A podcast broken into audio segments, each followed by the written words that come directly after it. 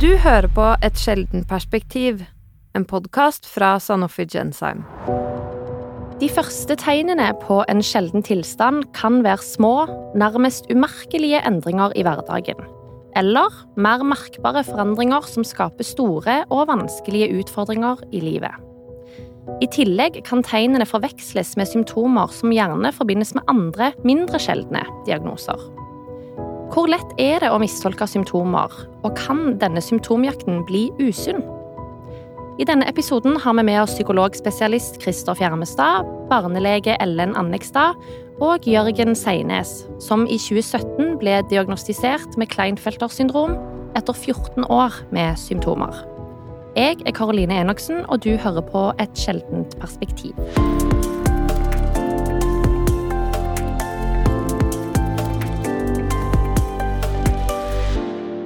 Velkommen, alle tre. Aller først så lurer jeg på om du kan fortelle litt om de første symptomene du oppdaga, Jørgen? Jeg fikk vel de første symptomene når jeg gikk sånn cirka i tredje klasse på barneskolen, hvor skole ble veldig vanskelig, og jeg falt mer og mer ifra på skolen. Eh, det var egentlig det første jeg oppdaga. Og så gikk det jo noen år hvor jeg etter hvert begynte å slite med, med føttene mine, og fikk en del brudd som jeg ikke visste hva var for noe. Og det var jo også i gymtimene, så når jeg ble sånn tenåring, så var det også veldig vanskelig å henge med de andre, og det var eh, Jeg ble utrolig fort sliten. Men siden det ikke var oppdaga på skolen, så var det også Det var ikke så mye forståelse å få fra lærere eller, eller andre som jeg gikk på skole med. Og de konsentrasjonshanskene jeg hadde på barneskolen, det Jeg fikk eh, altså, samtale med PP-tjenesten, og etter hvert også BUP. Og det, det fikk jo ikke jeg vite på det tidspunktet, men foreldrene mine ble fortalt at eh, jeg var på grensen til psykisk utviklingshemma. Og selv om jeg ikke ble fortalt det, så merka jeg det i måten jeg ble møtt på skolen. De behandla meg på en annen måte, som om jeg var dum på en måte og ikke forsto noen ting. Jeg lurer jo litt på hvor lang tid tok det før dere forsto at dette var symptomer? Altså, mine foreldre, de forsto Eller de ville jo aldri akseptere det de ble fortalt, fordi de visste at uh, dette stemmer jo ikke, ut ifra hvordan jeg var. Det er klart, De hadde jo et system de kjempa imot, og, så, så, jeg vet ikke hvor mye de skjønte egentlig hva, at det var symptomer.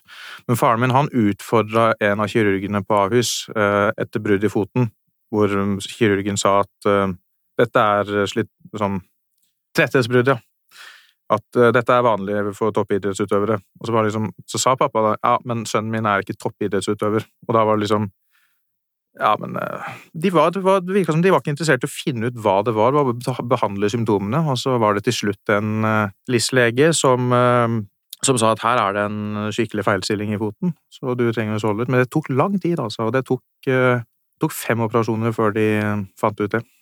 Men det er klart, de, de så jo også gjennom mm, barndommen min at jeg var jo fikk ofte sånne mm, raseriutbrudd, bare ren frustrasjon over ikke å få til veldig små ting. Så de merka jo at det var noe, men de klarte aldri å koble det på noe sånt. Jeg tenker Ellen, i, i sånne tilfeller som, som, Jørgens eh, her, der symptomene blir mistolka som tegn på noe annet, eller de får beskjed om at det er noe annet som egentlig er feil, hvordan vet man at et symptom kan være tegn på en sjelden tilstand?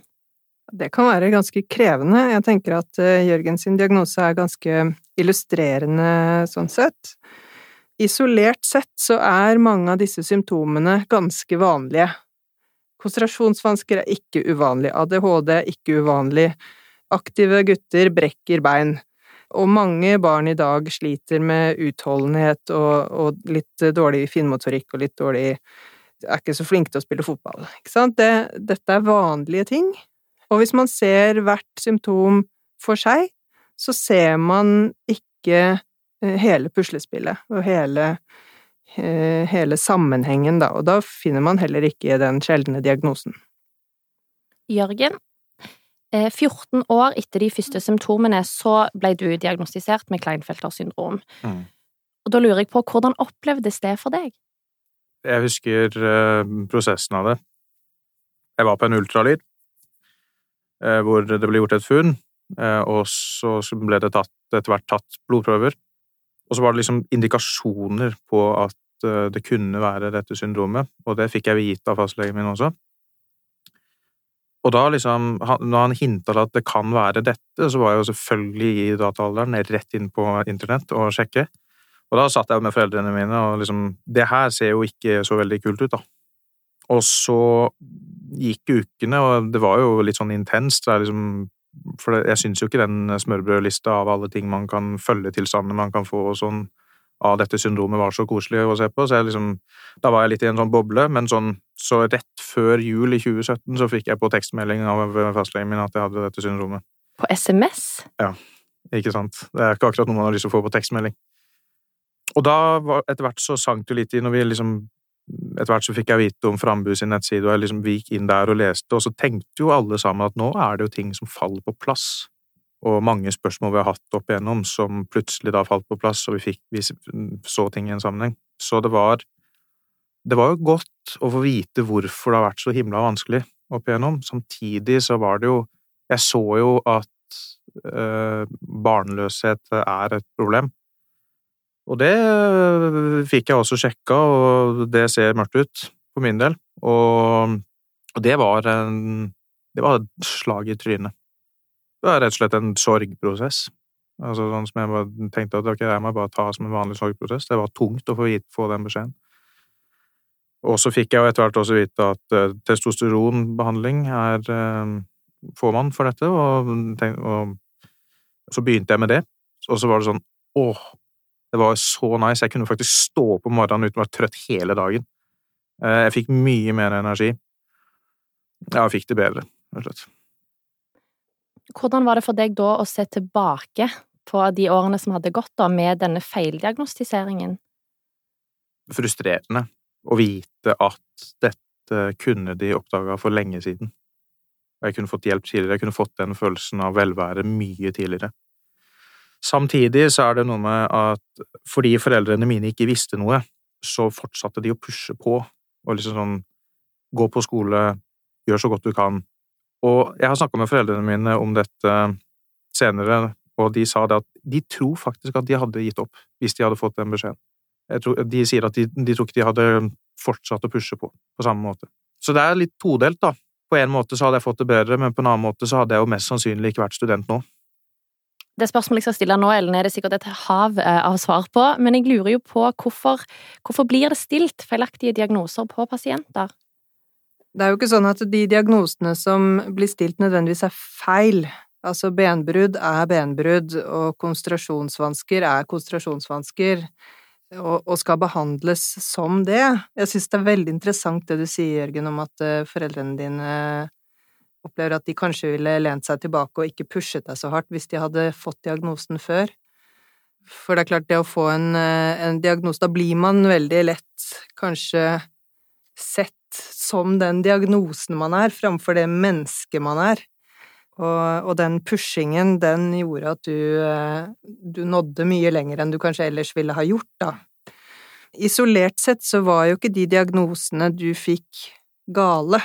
Altså, et, et brukket bein skal gipses eller eventuelt eh, opereres, uh, uansett hva som er årsaken til at man knekker lettere enn det andre barn gjør.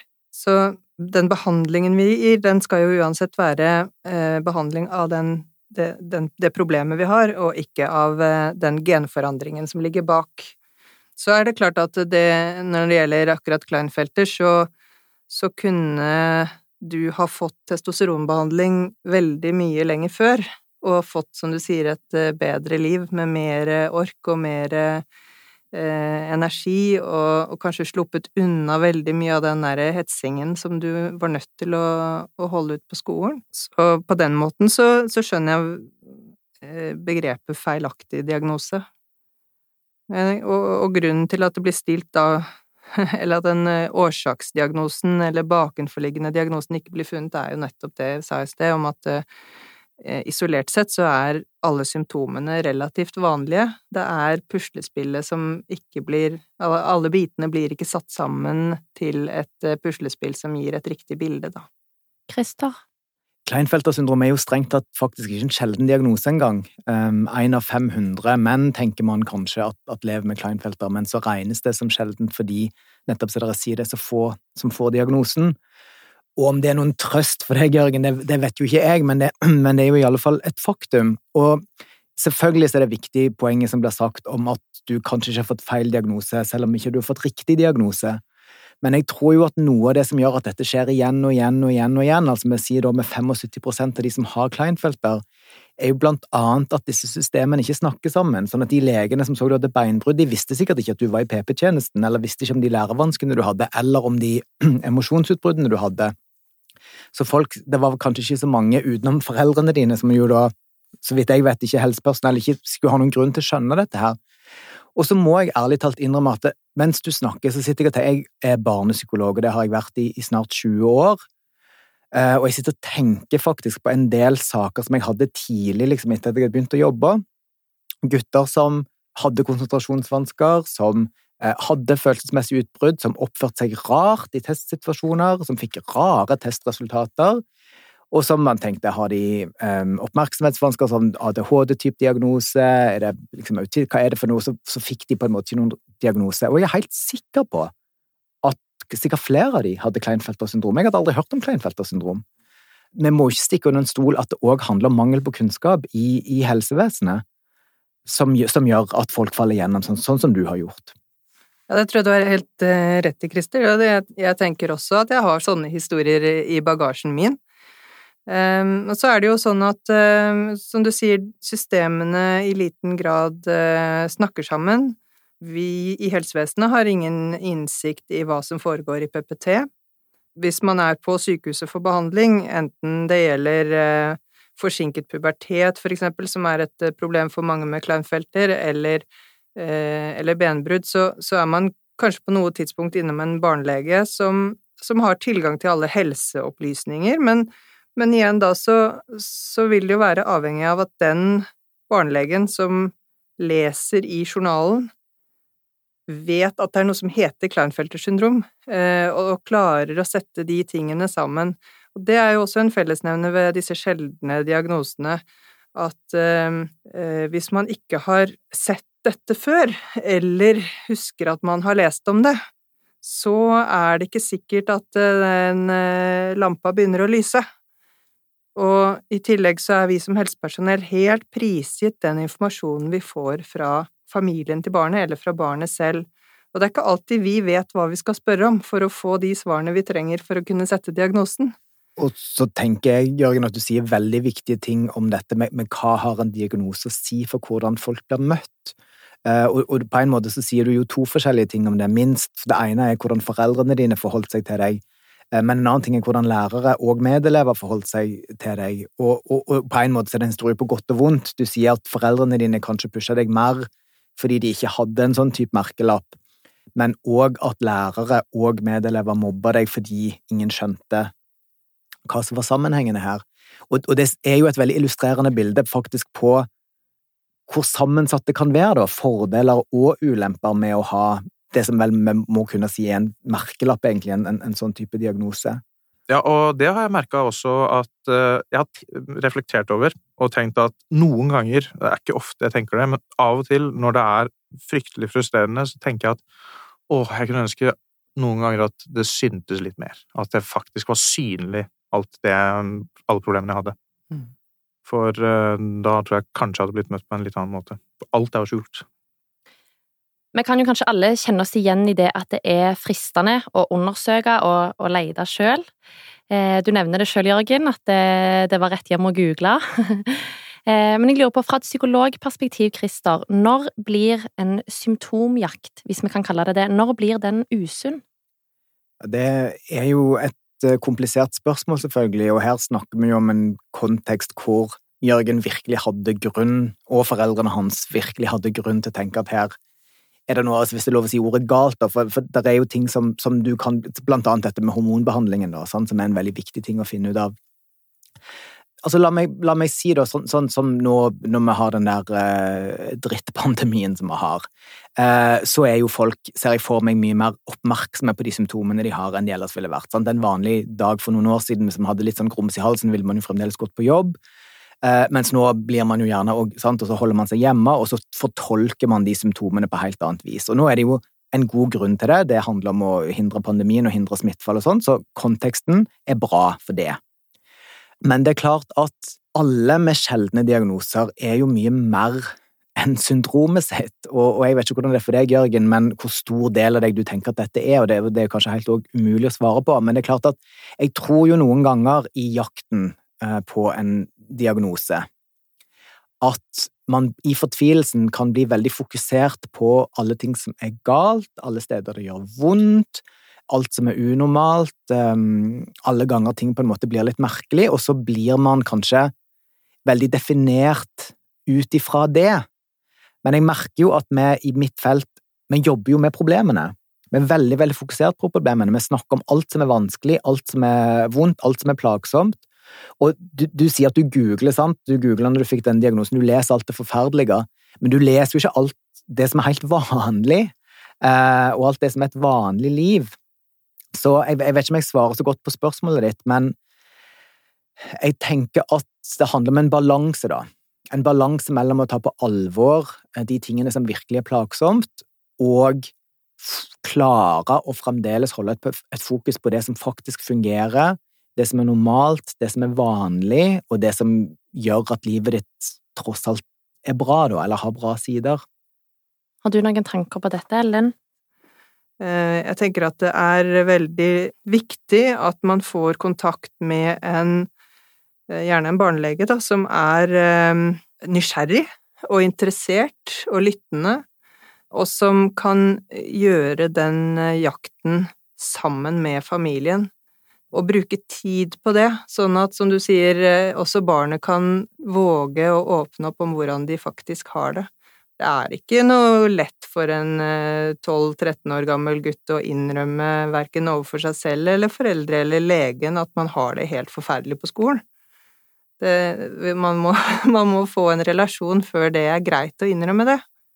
Så jeg tror Jeg har aldri hatt kontakt med en barnelege gjennom uh, de årene. Hm. Aldri. Men nå når du da har begynt å jobbe med disse tingene, hvordan, hvordan påvirker det psyken din når du da ser tilbake på de årene hvor du gikk uten den riktige grunndiagnosen og, og den behandlingen, da?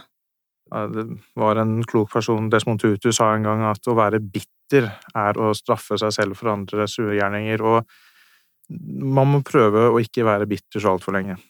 Så det er jo klart, når det popper opp traume etter traume etter traume etter traume som kommer opp fra underbevisstheten når jeg går til psykologen, så er det klart jeg kjenner jo på et sinne men jeg går ikke i hverdagen og er bitter. Jeg, så selv om det er krevende nå også, så har jeg aldri hatt det så bra som jeg har det nå, selv om det er mye som skjer. Når vi er inne på bitterhet, Christer, jeg, jeg ble nysgjerrig på, på, deg som psykolog. Hvor, hvor vanlig vil du si at denne mekanismen er? Jo, det, vil jeg si er veldig vanlig, og at det er en veldig naturlig reaksjon. Uh, og Desmond er, er, er, fin, holdt jeg på å si, og, og, og, klok, men samtidig tenker jeg at jeg ville nå vært litt for at man venter aggresjonen ut, heller enn at man venter den inn, i alle fall. Uh, for det som jeg vet at òg veldig mange andre gjør, er jo at de òg går og klandrer seg sjøl. Hvorfor forklarte jeg ikke dette bedre? Hvorfor oppsøkte jeg ikke hjelp på en annen måte? Hvorfor noterte jeg ikke dette? Og da ville jeg heller tenkt at det er bedre å ta det ut på legen eller psykologen enn å ta det ut på seg sjøl. Så mange er jo bitre uten at det er så lett for noen utenfor å skjønne hva egentlig årsaken til denne bitterheten er, og det er klart det er mange sammensatte grunner til at folk blir mer og mindre bitre. Det handler jo om hele personligheten vår, erfaringene våre, oppveksten vår og, og, alt mulig greier. Men hvis det er noen som har grunn til å være bitre, så må det jo være folk som har en sånn historie som deg. Så det er en veldig legitim bitterhet, hvis det er lov å si, og da, og da tenker jeg at det er, det, det er viktig å tillate seg å få lov til å være bitter, fordi det er en bearbeidelse i det, og det er en sorgbearbeidelse i det, tenker jeg, og det handler om skyldplassering. Men det som er veldig godt å høre når jeg hører deg fortelle, er jo at du i alle fall nå i retrospekt klarer å fortelle en, en relativt balansert historie, da. Eh, sånn at du forteller om foreldre som så deg, og som skjønte deg, og som gjorde sitt beste. Eh, du eh, forteller dette sammenhengende og nyansert, og det er jo det folk kanskje da trenger hjelp til, og det høres jo ut som at det har vært en prosess for deg. Mm, lang. Det har tatt mange år. Uh, og, og um, Altså, jeg, jeg, jeg, er helt med på det at det er lov å være bitter, og, og, og, jeg kjenner på det. Det er mange ganger som jeg går hjem fra psykologen og tenker å, fy flate, og jeg er sint uh, og, og, kjenner på et hat. Men jeg kjenner på også at min, for, for, min egen del i hverdagen så, og for min egen psykisk helse så er det viktig å også prøve å, om ikke um, uh, avslutte det, men i hvert fall parkere det litt. Lås, akkurat som å låse bilen og går fra den, så kan man lå, alltid låse opp døra igjen, men i hvert fall parkere det lite grann. Uh, for uh, jeg kjenner på meg selv at hvis jeg går og er bitter og hater mye, så får en dårlig tilværelse, altså. Så i hvert fall, men jeg kjenner jo på det, selvfølgelig, men, men eh, for min del så funker det å av og til også bare ta en pause fra det. Jeg tenker på, Har du andre Det er jo liksom litt Jørgens metode, på en måte. Eller har du andre Christer, liksom tips til hvordan man kan jobbe for å, ja, for å slippe å bære nag mot noen, eller mot systemet? Eh, ja, når jeg, når jeg, da, hvis jeg også får lov til å gjenta at, at bær gjerne nag. Eh, jeg vil ikke ta fra noen naget, men selvfølgelig, og jeg syns Jørgen sier det veldig klokt her, hvordan det kan ta over, og så blir det veldig dominerende. Um, å fortelle om det som har skjedd, er en viktig bearbeidelse. Um, dette er jo mange år vi snakker om. Uh, erfaringene er mange. Noe handler om diagnose, noe handler om andre ting. Det må man få fortalt, og man må gjerne få fortalt det om igjen. Hvis man ikke har så mange å fortelle det til, så kan man også skrive det ned. Man kan lese det inn på bånd, man kan høre på det. Fordi det handler om å fortelle en historie, eh, og det handler om å prøve å lage en litt balansert historie. Og så handler det òg om å prøve å se andre folk sine hensikter. Altså, Har folk med vilje sabotert deg når de da ikke har skjønt at beinbruddet handler om Kleinfelter, eller har de vært uvitende, men, men handlet etter beste evne? Og, og, å lage en litt sånn sammensatt historie. Ja, noen har vært skikkelig, skikkelig kjipe mot meg, men en og annen hjalp òg, og en og annen prøvde. Og at man at En litt mer nyansert historie som man etter hvert da kanskje kan få fram. Jeg, jeg, tror liksom det er det som er måten å, å bearbeide det på. Mm. Dette som vi snakker om nå, med, med de der erfaringene um, som du har hatt med hvordan folk har vært mot deg. Mm tenker at det faktisk er litt underkommunisert når vi snakker liksom, om, om, et sjeldent perspektiv, er, er hvor dårlig behandla mange med sjeldne diagnoser blir. Ja. Eh, mobbeerfaringene er, tror jeg er veldig underkommunisert. Utestengningen ja. eh, er underkommunisert. Og, og den sosiale isolasjonen ja. eh, man kan oppleve. Og så kompliseres det veldig av nettopp det du sier sjøl, med at for mange sjeldne diagnoser så har man òg en sensitivitet. Eh, og man kan streve med å tolke hva betyr et blikk, hva betyr et ansiktsuttrykk. Og man har kanskje òg en tendens til det, Vi ser alle verden veldig fra vårt eget perspektiv, men ved noen sjeldne diagnoser så gjør man enda mer det. Um, så man fortolker kanskje ting òg enda mer negativt, og dette baller veldig på seg. Har du begynt med det, så blir det veldig lett forsterkende. Uh, og det er, en, det er, et veldig viktig tema å snakke om, altså. Og sånn er det for min del i aller høyeste grad. Og det er, det er noe jeg kjenner på i hverdagen som er en plage. Det å ofte misforstå ansiktsuttrykk. Overtenke hva er, det, hva er det som blir ment her. Og det er nok det jeg etterlyser mer i helsevesenet også. Det at hvis man ser altså Jeg kunne ønske at de hadde mer kunnskap om det, for da hadde de tatt det litt mer piano også. Og det, det jeg ofte opplever, kan oppleve, er at jeg hører det som blir sagt, men jeg klarer ikke å prosessere det fort nok. Og, og så, hvis jeg da føler meg utrygg i tillegg, så, så, vil jeg jo ikke klare å stille spørsmålet om igjen. Og det er en uh, plage. Og det hjelper jo ikke heller at uh, å være på sykehus, så kommer det inn en lege, og så står det fire andre rundt som ikke blir presentert. Det er ubehagelig sånn i utgangspunktet for alle. Men jeg, jeg syns det er litt sløvt med tanke på at det faktisk står Kleinfelter. Så jeg savner en del uh, kunnskap. Og når jeg snakker med um, helsepersonell, så er det altså leger psykologer, så har de stort sett ofte hørt om det når jeg spør om det. Men eh, jeg kunne ønske at de leste seg litt mer opp på det også. Le legen har notert litt her på sida, Ellen. ja, jeg må si, Jørgen, at uh, du har tatt uh, eierskap over historien din, og at du fremstår her nå som veldig klok og reflektert. Mm. Det må jeg si. Og nyansert. Jeg syns det er veldig modig av deg å eh, fortelle så åpent som det du gjør. Og det tenker jeg er eh, Det er nyttig for oss som hører på deg, og så er det veldig nyttig for andre som har sjeldne tilstander, og som eh, prøver å å, prosessere det de har opplevd, og det de hvem de er. Og det å, å, å finne ut hvem man er, og, og, være seg selv, det er et livslangt prosjekt, som for noen er mye vanskeligere enn det er for andre. Mm. Og jeg tenker at for de som går og bærer på, på sjeldne ting, så er det en ekstra belastning. Så har du noen gode tanker om eh, hva som kunne gjort situasjonen for deg bedre i møte med helsevesenet, eh, og det er sikkert overførbart til veldig mange andre mm. Eh, diagnoser. Jeg synes det er flott at du greier å snu alle de negative opplevelsene dine, alle traumene dine, eh, om til noe som du eier, og noe som du kan bruke som ressurs. Mm. Jeg hadde ei gruppe en gang for ungdom med Kleinfelter syndrom. Så skulle jeg gjøre et poeng ut av dette med er det synlig eller usynlig at, at, at man har Kleinfelter. Så da spurte jeg de tror dere at jeg har Kleinfelter. Og jeg vet jo ikke om jeg har Kleinfelter, jeg har jo aldri telt eh, kjønnskromosomene mine, men jeg spurte i hvert fall om det. Og så var det mange som rista på hodet, men det var en som rakk opp og sa ja, jeg tror du har Kleinfelter syndrom. Ja, hvorfor tror du det, eller hva gjør at du tror det, spør jeg. Hvorfor ville du ellers brydd deg om oss, sa han.